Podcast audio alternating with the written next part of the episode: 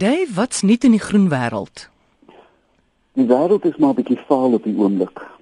Ek probeer wegbly van my ewige gekla oor mense wat hulle self moet gedra en uh beter met die natuur omgaan as gevolg van klimaatsverandering.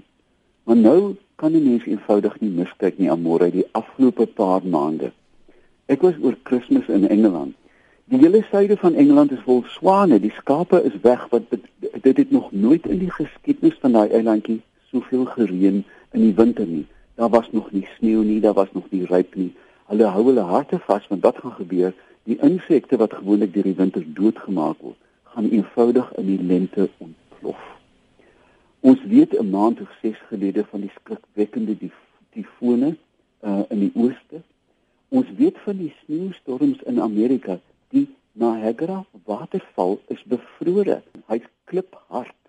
Nou het daar 'n soort van 'n ruspose gekom met die meetbare temperatuur. Die afgelope 10 jaar, 8 tot 10 jaar. En nou sê die ontkenners, "Ha, ons het julle mos gesê, een vulkaan stuur jy ken daai argumente nê een hmm. vulkaan is meer as 2 miljard motors ensovoorts ensovoorts ensovoorts en toe voor verlede week aan môre land op my rekenaar een van die skrikwekkendste verslae wat ek al in my lewe gesien het gepubliseer in Nature Climate Change nou ek het al van tevore gesê Nature is een van die voorste wetenskaplike um ewige tydskrifte waar uh, die beste wetenskap op aarde gepubliseer is Amore 'n groep uit Brisbane in Australië het gaan kyk na die Stille Oseaan. Dis op hulle op hulle voorstoep.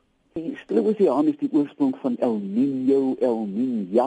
Al die klimaat uh, patrone wat daar vorm beïnvloed die planeet.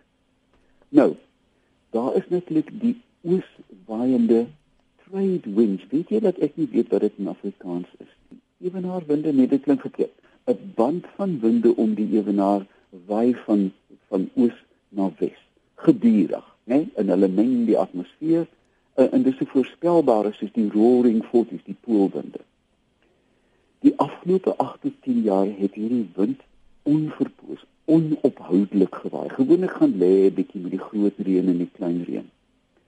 En nou kom hulle agter dat die warm oppervlakte water is weswaarts gedryf het teen Australië vasgeloop, gedraai en nou lê daar miljarde kubieke kilometer warm water onder die oppervlakte van die Stille Oseaan.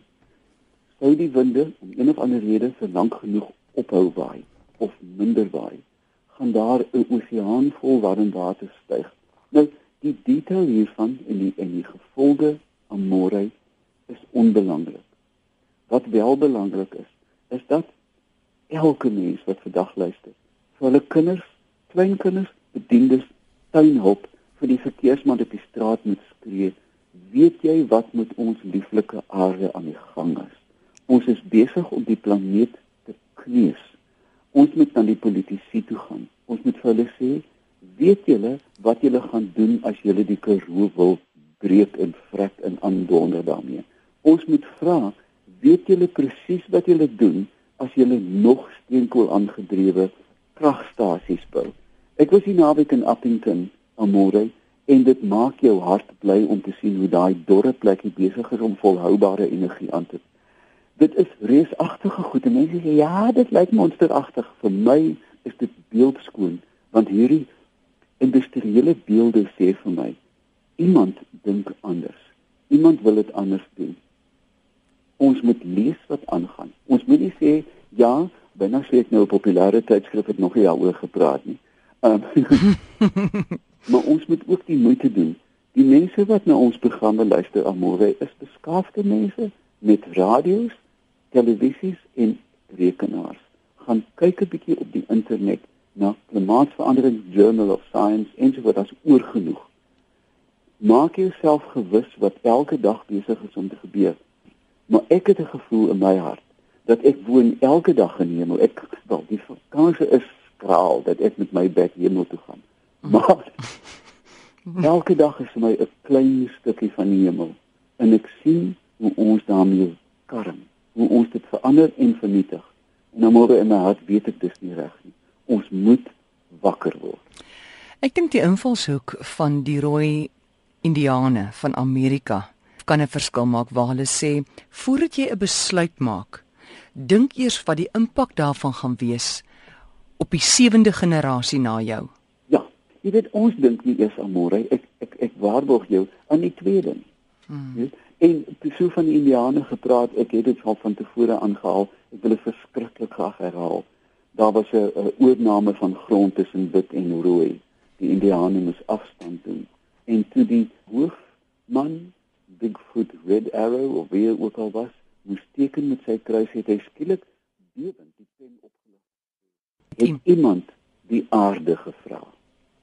Het ons reg gedoen? Het iemand gaan sê liewe aarde, is dit reg? So gesels Dave Peppler en jy kan hom kontak by oompie by iafrica.com